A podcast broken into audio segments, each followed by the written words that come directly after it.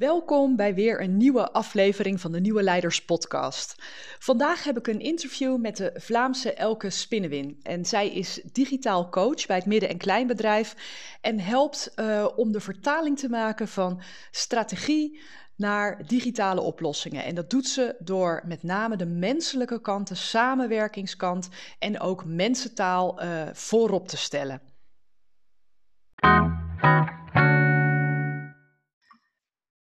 Elke, welkom bij de Nieuwe Leiders Podcast. Goedemorgen, Petra. Ja, leuk dat je op dit vroege tijdstip, want we spreken elkaar heel vroeg, dat je uh, al voor me uit bed bent gekomen. we het met uh, hebben over digitaal leiderschap. Maar voor we daarin duiken, kan je iets over jezelf vertellen? Want jij hebt een hele bijzondere carrière gehad voordat je uh, bent aanbeland waar je nu bent gekomen. Kan je me daar eens in meenemen? ja, inderdaad. Dus, uh, ja, digitaal is in mijn carrière natuurlijk wel al heel mijn, uh, heel mijn carrière een, een leidraad geweest. Um, ik ben gestart als programmeur, dus als programmeur van websites en e-commerce toepassingen. Mm-hmm. Maar dat werd al vrij snel veel te eng voor mij. Dus ik ben dan vrij snel doorgegroeid naar consultant en projectleider. Mm. En ik heb de laatste, ja, toch meer dan tien jaar van mijn carrière altijd digitale projecten begeleid. Heel uiteenlopend in heel wat verschillende sectoren, um, heel wat verschillende projecten. Dat ging van uh, websites tot e-commerce toepassingen tot ERP-implementaties. Uh, eh, overal in, in België, zeg maar, maar ook verder buiten. En uh, ja, altijd gewerkt bij softwareleveranciers. En mhm. eind vorig jaar heb ik de beslissing genomen om als zelfstandige aan de slag te gaan. Ja. Want ik wilde de kennis die ik al die jaren heb verzameld bij die softwareleveranciers gaan gebruiken langs de kant van de klant. En nu help ik eigenlijk als onafhankelijk digitaal coach de KMO's in Vlaanderen met hun digitale transformatie. Ja, en KMO's is wat wij in Nederland het midden- en kleinbedrijf zouden noemen, hè? Ja, kleine en middelgrote ondernemingen inderdaad. Hey, en um, want ik, ik ken jou een beetje, hè, maar zou jij jezelf omschrijven als techneut, als ICT'er? ja, dat is inderdaad een goede vraag. Dus uh, technologie is wel een passie van mij. Maar um, ja, ik heb natuurlijk door de jaren in mijn carrière heel wat projecten gedaan. En voor mij is natuurlijk uh, het menselijke aspect op die projecten altijd al eigenlijk ook een heel grote passie van mij geweest een project dat slaagt of dat niet slaagt, heeft niet altijd iets te maken met het technologische aspect, maar het heeft heel vaak ook iets te maken met, uh, met de mensen. Dus uh, hoe zijn de mensen betrokken op het project? Hoe werken ze als team samen? Hoe, worden ze, allez, hoe wordt er gecommuniceerd? Uh, wordt er tijd gespendeerd aan opleiding, aan input te verzamelen? Dus ik ben niet, denk ik, de typische uh, IT'er, zeg maar, of de typische techneut. Maar ik wil daar toch wel een beetje ja, mijn, mijn vrouwelijke schwung ook in brengen. Ja. Dus, en, en, en kan je daar een voorbeeld van geven van, van hoe, hoe doe jij dat dan? Want is natuurlijk een hele bijzondere combinatie die jij belichaamt. Hè? Aan de ene kant de ICT-kant en echt ook wel uh, inhoudelijk snappen hoe het werkt met programmeren en dat soort dingen. En aan de andere kant juist die menselijke samenwerkingskant. Kan, kan je eens meenemen wat nu in een project wat je op dit moment doet, wat, hoe die menselijke kant daaruit ziet? Ja, ik vind het vooral gewoon heel belangrijk om, uh, om er voldoende aandacht voor te hebben. Ik noem mezelf ook een beetje een bruggenbouwer. Um, een beetje, alleen mijn naam ook een beetje, een spin in het web, zeg maar. Ja. Dus die ervoor zorgt uh, dat ik altijd aandacht heb om, om allee, verschillende aspecten te verbinden. Dus niet enkel te focussen op het technologische aspect, maar ook voldoende te focussen op de organisatie, de mensen binnen de organisatie en de technologie en die eigenlijk allemaal met elkaar te gaan verbinden. Dus uh, ik vind dat heel belangrijk om daar voldoende tijd en aandacht voor te ja. hebben. Want je bent eigenlijk, als ik hem even heel erg um, uh, uh, nou ja, zwart-wit vertaal, ben je overgelopen van de leverancierskant naar de klantkant. En ben je echt aan de klantkant gaan staan om ze te helpen om, om te vertalen naar die leverancier. Wat, kan, kan je eens vertellen wat daar voor idee achter zat? Zat daar frustratie achter of onbegrip? Of waarom heb je die stap gemaakt? Ja, er zat toch wel wat frustratie achter. Ja. dus ik heb, uh, ja, ik heb inderdaad dus, uh, altijd aan de kant van de softwareleverancier gewerkt als projectleider. En uh, ja, ik zag of ik voelde heel vaak dat de klant toch soms, of heel vaak eigenlijk, meer begeleiding nodig had. En dat er ook toch wel een grote kennisbrug is tussen de softwareleverancier en de klant. En ehm, ja, ik dacht van, ik wil die klanten gaan helpen. Ik heb nu al die jaren ervaring opgebouwd met digitaal. Ja. En ik wil die kennis niet meer voor mezelf houden. Ik wil die niet enkel uh, delen binnen de muren van één bepaalde organisatie. Mhm. Ik wil die eigenlijk op bredere schaal met de wereld gaan delen. En ik wil echt de klant gaan helpen. Ik wil eigenlijk aan de kant van de klant gaan staan. En zorgen dat, je, dat de klant heel goed begrijpt wat, uh, hoe dat ze moeten communiceren met een technologiepartner, hoe dat ze ook een duurzame relatie kunnen opbouwen met een technologiepartner. Mhm. Ik spreek bewust ook van het woord partner en niet van, uh, van leverancier. Um, dat ze ook heel goed weten of dat er ook kennis in hun organisatie komt over, over digitaal, digitale transformatie, digitalisering. Mhm. Het zijn eigenlijk allemaal woorden die, ja, die we heel snel in de mond nemen. Maar het is niet altijd duidelijk ook voor een klant van ja, wat betekent dat nu voor mijn organisatie? Uh, ik weet wel als bedrijf dat ik aan digitalisering moet gaan doen, maar hoe en wat en waar moet ik beginnen? En uh, ja, je hoort heel veel, ja, je hoort heel veel technologische termen. Dat is niet altijd duidelijk wat dat betekent. Dus ik wil eigenlijk een soort van, ja, ik noem dat een beetje een driehoeksrelatie vormen tussen de klant, technologiepartners en mezelf dan eigenlijk als coach die zowel de klant eigenlijk gaat coachen, hen ook een stuk matuurder gaat maken op het vlak van digitalisering, mhm. maar ook de technologiepartner gaat coachen, dat die ook zijn uiterste best doet voor de klant, dat er daar ook een duurzame partnership gebouwd wordt. Mooi, ja. Want wat, wat zie je in de praktijk vaak fout gaan uh, door een soort van communicatiestoornis of verwachtingen? Ja, discrepantie in verwachtingen. Wat, wat gaat daar fout? Ja, er wordt heel vaak eigenlijk ook al niet, uh, niet voldoende tijd genomen om de verwachtingen met elkaar duidelijk te maken.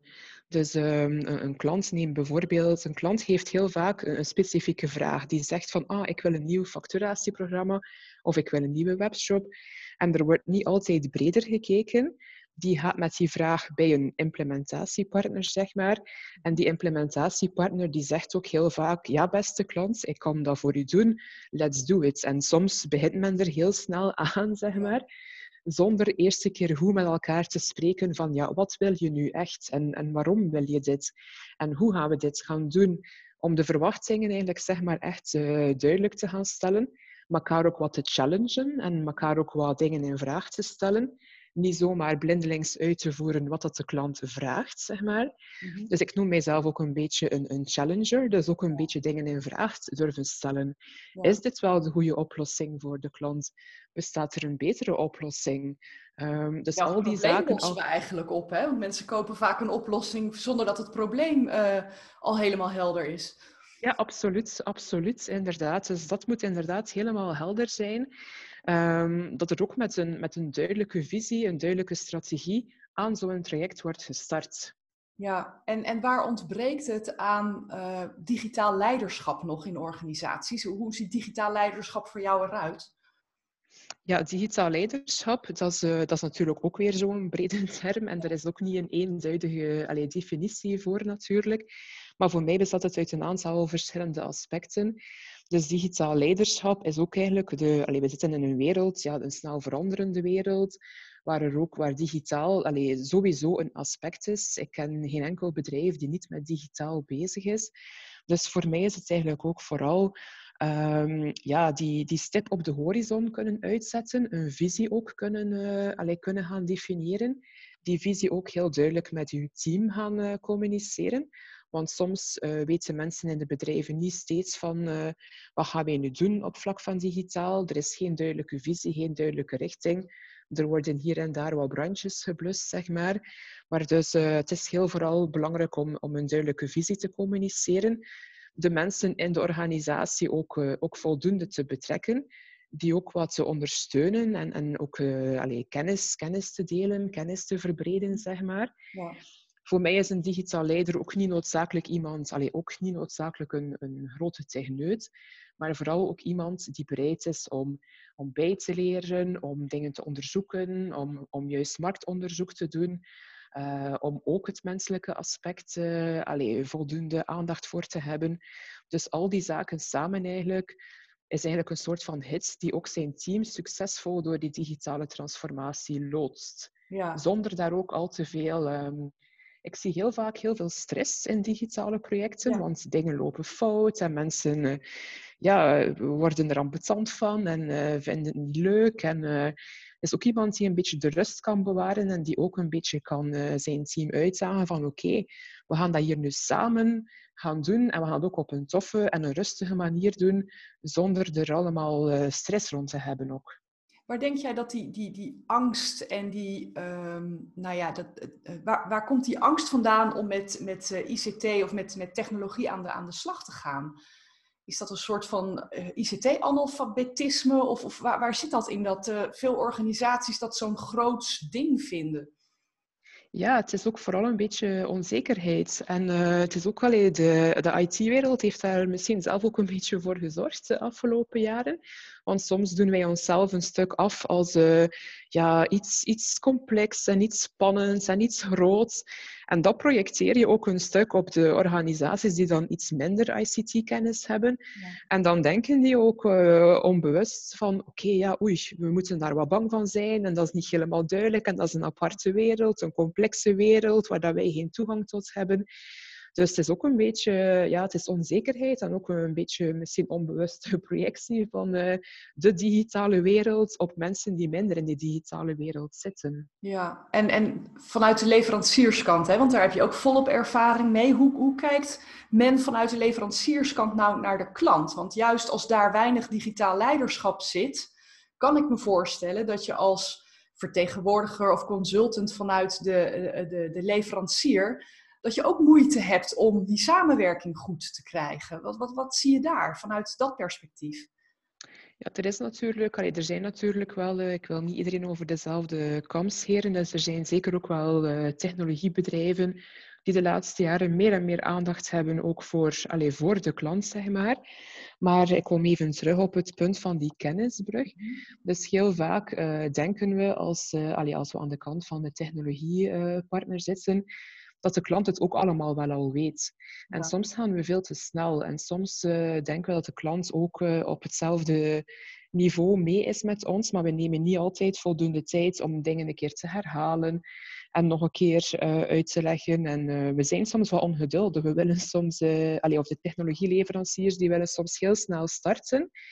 Maar zonder ook um, eerlijk en oprecht aan de klant te durven zeggen van beste klant, ja, onze oplossing is misschien niet de juiste oplossing voor jullie. Of onze oplossing kan wel een goede oplossing zijn als je ook nog uh, dit en dat in die organisatie ook aanpakt. Ja. Uh, het is ook vaak een kunst om ook wat breder te kijken en niet enkel dat ene brandje te blussen, mm -hmm. maar ook naar een, een duurzame oplossing te streven en dat ook te durven zeggen aan die klant. Maar zit dat vermogen voldoende in, uh, ja, dat is natuurlijk ook wel weer generaliseren, maar zit dat vermogen om wat breder te kijken überhaupt in die bedrijven? Of zou daar bijna een nieuw profiel voor nodig zijn, naast programmeurs en, en uh, salespersonen, om, om die organisatiekant wat beter te gaan begrijpen? Ja, het is allemaal heel sterk uh, afhankelijk van persoon tot persoon. Dus uh, er zijn zeker mensen die, die bewust bezig zijn met hun leiderschap en met de manier waarop dat ze met klanten communiceren, die ook uh, ja, klanten een, een, beetje echt willen coachen, zeg maar. Mm -hmm. Dus ik heb wel al gezien dat die mensen zeker durven zeggen van beste klant, allee, die wel zeker dingen in vraag durven stellen. Maar zeker niet op grote schaal. Het is uh, heel vaak dat het nog, uh, nog anders gebeurt. Dus er kan zeker nog werk van gemaakt ja. worden. En als ik aan de klantkant zit, wat kan ik nu doen om mijn um, ja, digitale volwassenheid uh, van mijzelf en van mijn organisatie, om die te laten groeien? Ja, eigenlijk um, ja, ook, ook, ook wat meer kennis in huis halen over digitaal, zonder dat je daarover allee, heel team van programmeurs of zo in huis moet halen. Verre van, maar ook um, niet altijd blindelings meegaan wat de softwareleverancier uh, aangeeft. Zelf ook je standpunt durven duidelijk maken. Um, en zelf ook eigenlijk de touwtjes in handen nemen van die dergelijke trajecten. Mm -hmm. Heel vaak um, ja, dus, allee, heeft, de klant, of heeft de klant een specifieke vraag en gaat hij terug bij die, bij die softwarepartner. Maar weet hij zelf eigenlijk niet goed van wat willen wij nu eigenlijk. Ja. Dus als klant eerst ook een beetje zelf je huiswerk maken en zelf ook een keer, en dat is vaak nog niet iets uh, waarvoor dat je hele technologische kennis moet hebben, maar de tijd nemen om op te lijsten, om met uw team en uw bedrijf na te denken van wat willen wij nu eigenlijk? En niet enkel op korte termijn denken van wat willen wij nu als brand gaan blussen, maar hoe is onze strategie op twee jaar, op drie jaar, waar willen wij naartoe en wat kan er daaraan bijdragen? Ja. En met die set aan wensen, zeg maar, dan kun je naar een, eh, een technologiepartner gaan.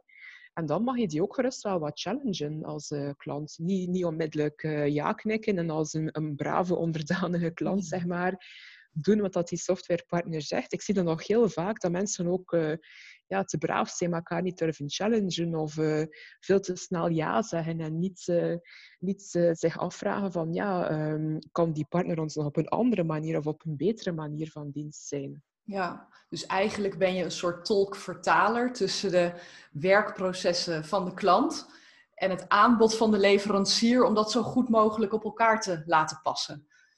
Absoluut, inderdaad. Ik heb het al heel vaak gezegd uh, in mijn carrière dat ik inderdaad een, een soort van vertaler ben tussen uh, ja, mensen die vaak technologisch moeilijke termen gebruiken en de klant. En ook um, ja, ik, ik ben ook iemand die ook wel in de onderstroom heel vaak voelt van als er iets niet duidelijk is. Dus uh, soms is er iets niet duidelijk voor de klant.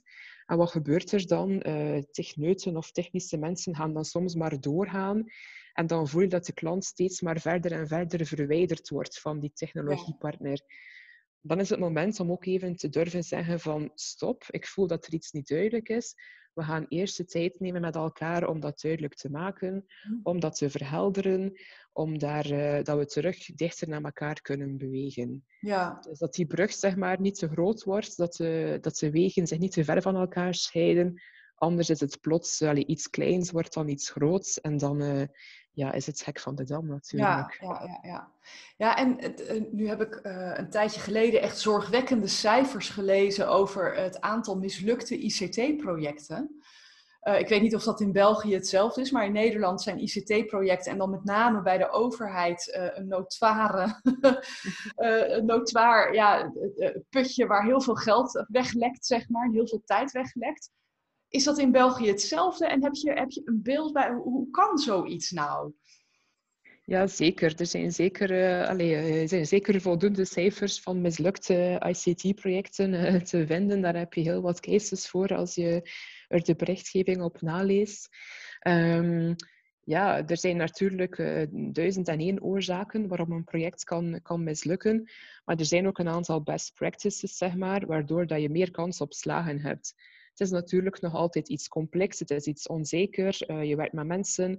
Dus het is natuurlijk niet altijd dat je op voorhand uh, een checklist kunt aflopen en dat die 100% succes garandeert. Mm -hmm. Maar het begint eigenlijk al, allee, ik heb, voor mij is eigenlijk uh, een heel belangrijk punt en ik, ik kom er nog eens op terug, want ik kan het niet genoeg benadrukken is voldoende tijd nemen om met elkaar gewoon goed te communiceren. Dat is, dat is zo belangrijk. En ik zie dat nog, nog steeds vaak. Allee, we, we, spreken business en IT. En mijn ultieme droom is dat business en IT niet meer twee aparte woorden zijn in de toekomst. Want uh, dat, dat wordt nog altijd als twee aparte werelden gezien. Dus dat dat echt één team is die samen uh, werkt aan een project, zeg maar. En die voldoende tijd neemt om met elkaar te communiceren. En die ook matuur genoeg is om echt, uh, als er ook iets niet goed gaat, om met elkaar te gaan zitten en te gaan, te gaan uh, bespreken waarom het niet goed is gelopen en hoe dat ze de aanpak gaan wijzigen. Heel vaak zie ik nog dat, uh, dat ja, een, een technologiepartner begint vol enthousiasme aan een project en de klant ook. En plots ben je nog geen maand verder en je voelt dat die al terug verwijderd zijn van elkaar. Ja. Dus het is echt heel steeds, allee, dagelijks zeg maar, de vinger aan de pols uh, houden. En echt uh, allee, dagelijks inzetten op, op communicatie, communicatie, communicatie, samenwerking, samenwerking. Aan elkaar ook durven zeggen van kijk, wij begrijpen dit zo. Is dit ook hoe dat jullie het zien? Ja, nee, wij zien het niet helemaal zo. Oké, interessant. Hoe zien jullie het dan? Dus al die zaken eigenlijk, want uh, het, is, allez, het is niet mogelijk om iedere requirement in detail in detail uit te werken op voorhand. Dan ben je heel lang bezig en ja. is het budget soms al op voor het project goed en wel start. Dus je moet ook wel durven starten maar in een ritme, zeg maar, waar dat je echt heel goed, heel goed je vinger aan de pols houdt en niet in twee aparte kamers gaat zitten om, uh, om dan twee maanden later een keer terug bij elkaar te komen en te kijken, oei, We hebben nu twee maanden iets gedaan dat toch niet was wat, wat we wilden. Nee. Wat, wat zou wat jou betreft altijd een eerste stap moeten zijn aan de klantkant om uh, überhaupt een IT-project te beginnen?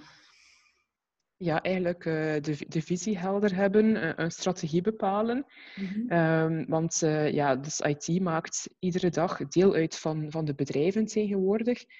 En uh, ik vind het super belangrijk om ook een, een digitaal businessplan te maken, om een digitale roadmap te maken. Om niet zomaar uh, te beginnen aan één iets, uh, um, maar dat je echt de requirements goed definieert voor jezelf, voor je organisatie. Dus dat je je visie, je stip op de horizon uitzet, zeg maar, en daarbij ook al een, een diepere vertaalslag maakt naar wat betekent dat nu voor ons. Dat je dit al helder hebt met jouw organisatie, met jouw team. Ja, en help je organisaties dan bij bijvoorbeeld het uitrollen van één pakket? Of is het soms ook een, een, een, ja, een puzzel van verschillende losse pakketten om de requirements van de klant ook echt te kunnen, uh, nou ja, daarin te kunnen voorzien? Ja, inderdaad. Dus, uh, toen ik aan de kant van de softwareleverancier werkte, um, werkte ik altijd bij softwareleveranciers dus die één bepaald pakket implementeerden bij de klant.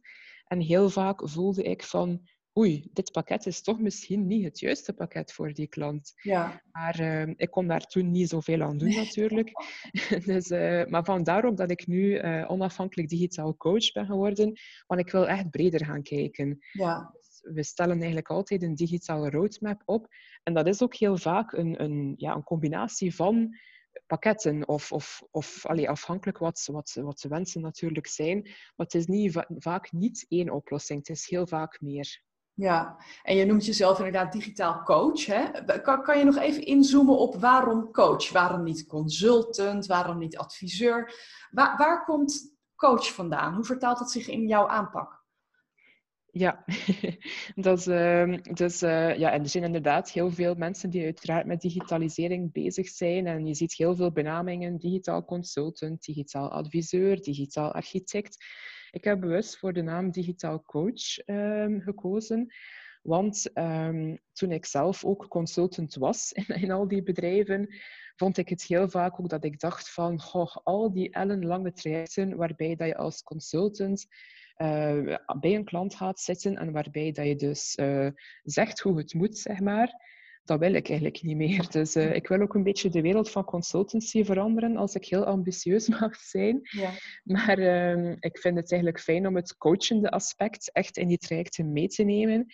Ik wil mezelf ook na verloop van tijd in die bedrijven onmisbaar maken. Dus ik, ik geloof ook dat, dat die bedrijven in staat zijn om die digitale transformatie met hun teams een heel stuk zelf te doen, als ze een goede coach aan de zijlijn hebben, die hen coacht, hen hitst, hen challenged, hen wat dingen bijleert, hen matuurder maakt. Mm -hmm. Dus coach is voor mij enerzijds om uh, die hits aan de, aan de zijlijn te zijn, en anderzijds ook om aan te duiden dat ik echt ook het menselijke aspect super belangrijk vind. En is dan vragen stellen wat je het meeste doet en mensen zelf de antwoorden laten geven? Of, of hoe, hoe uit dat zich praktisch in jouw werk? Ja, het is een combinatie inderdaad. Dus uh, allee, coach, is niet dat ik enkel vragen stel en nooit een keer advies geef of zo. Mhm. Dat is ook niet mogelijk, maar ik zie het een beetje zoals uh, allee, Lisa Atkins ook in het boek omschrijft van coachen van agile teams. Mm -hmm. Ik zie mezelf een beetje als, als een coach die verschillende ja, hoedanigheden kan aannemen. Dus op het moment dat ik voel van oké, okay, ik moet hier nu even uh, een coachende rol aannemen en, en bepaalde slimme vragen stellen of sterke ja. vragen stellen. Op een ander moment kan dat zijn dat ik meer uh, een mentor ben of, een, of dat ik even uh, een stukje teaching geef of, of toch wat advies geef. Dus het is eigenlijk een pakketje zeg maar, van verschillende rollen. Ja, ja, ja. En coach, dat is eigenlijk een, een overkoepelende, ja, een soort paraplu daarboven, boven al die verschillende manieren van aanpakken die je hebt. Ja, inderdaad. Ik zie mezelf ook niet als een, allez, een pure coach, zoals je zou verstaan onder het aspect van één op één coach. Maar ik wil vooral uh, mensen, managers in bedrijven, maar ook teams, ik wil die vooral krachtiger maken. Ja. Ik wil dat die zich meer comfortabel voelen met die digitale transformaties. Dat dat niet meer iets is waar dat ze bang van zijn, maar dat ze zich echt daarmee vertrouwd voelen. Dat ze zich comfortabel voelen en dat ze er zelf eigenlijk ook volledig voor durven gaan. Ja, en hebben ze dan elke opnieuw nodig als ze weer een volgende transformatie ingaan? Of laat je ze achter met een surrogaat elke die ook de vragen kan stellen? Uh, ik probeer altijd dus binnen de bedrijven, dus uh, iemand uh, als, allez, als digital lead, zeg maar, wat op te mhm. leiden. Ja. Dus ik vind het altijd fijn om, om iemand die het hele traject een beetje mijn partner aan de zijlijn is, zeg maar. Mm -hmm. die, waar ik heel nauw mee samenwerk en heel nauw mee, mee spar.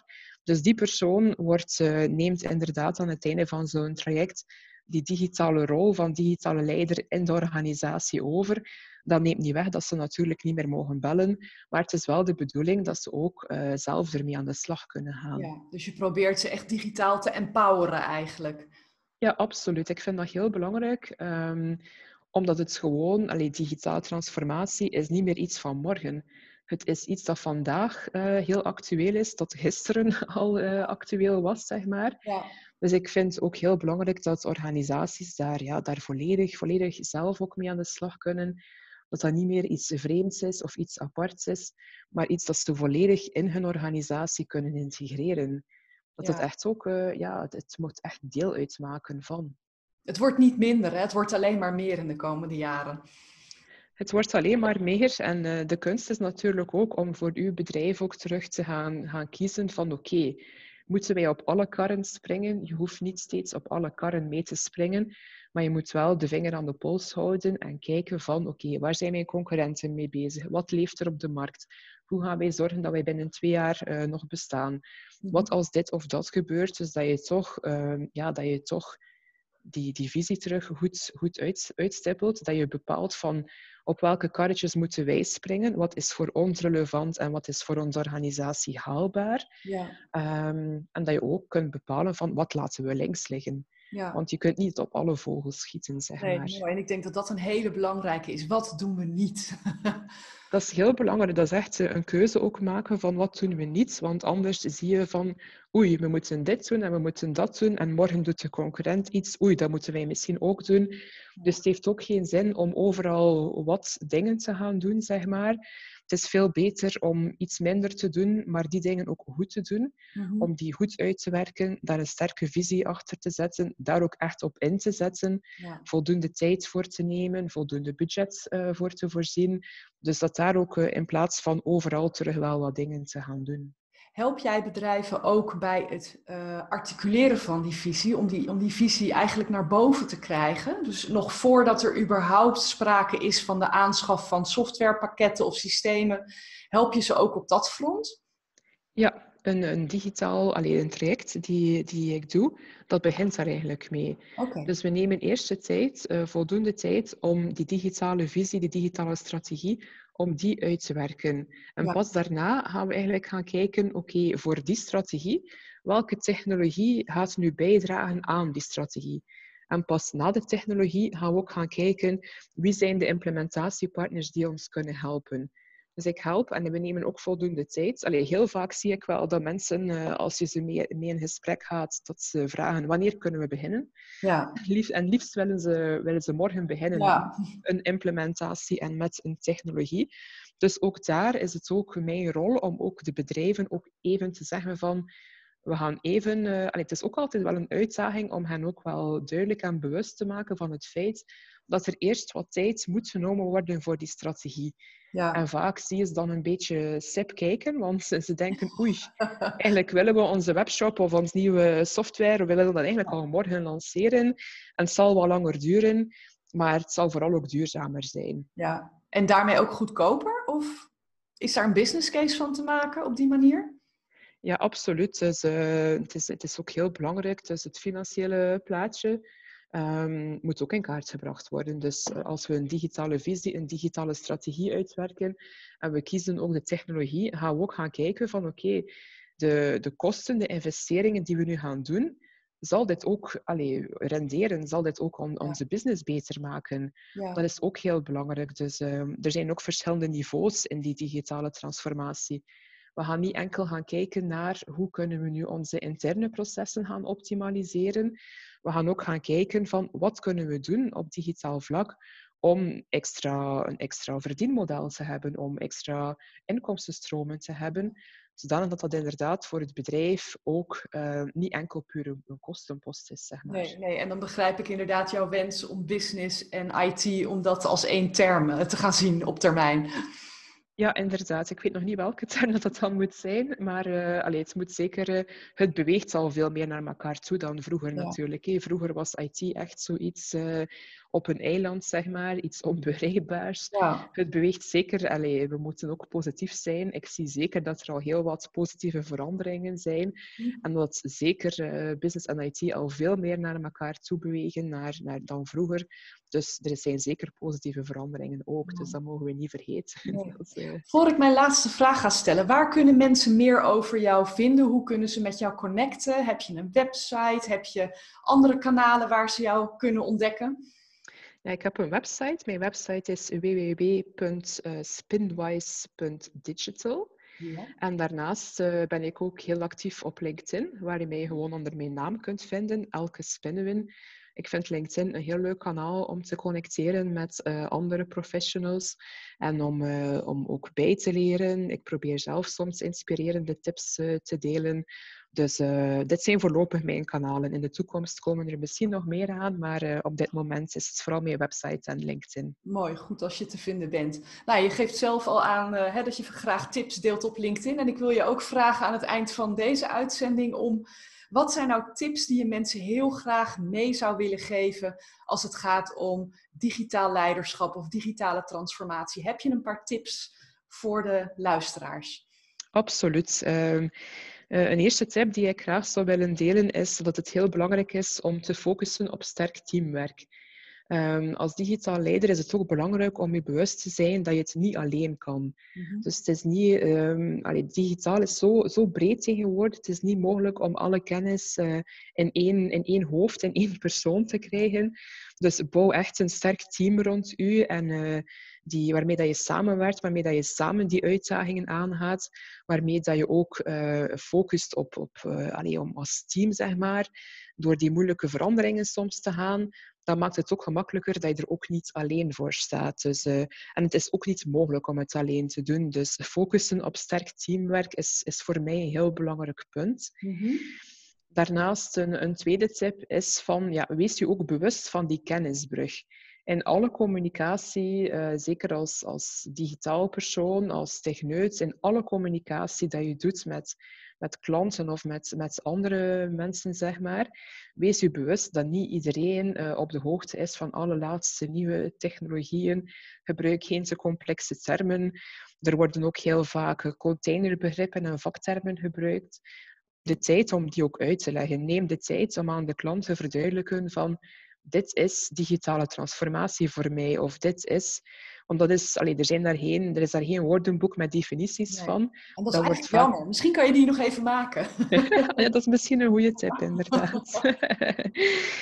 En daarnaast, uh, ja, omarm ook de verandering. Dus uh, stippel jou, jouw visie uit en durf ook wel stappen zetten. Um, en durf ook, durf ook te falen.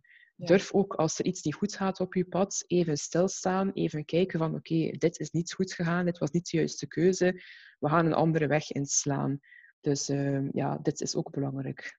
Dankjewel. Ik denk dat we een hele hoop wijzer zijn geworden. Het is heel mooi om te zien hoe je de menselijkheid aan de ene kant en digitale transformatie aan de andere kant met elkaar verbindt. Dus het geeft mij ook hoop dat het allemaal wat sexier wordt en wat ja, toch ook wel wat, wat, wat meer ingeburgerd raakt in bedrijven. Want het blijft nog steeds iets groots, iets engs, iets duurs vooral ook.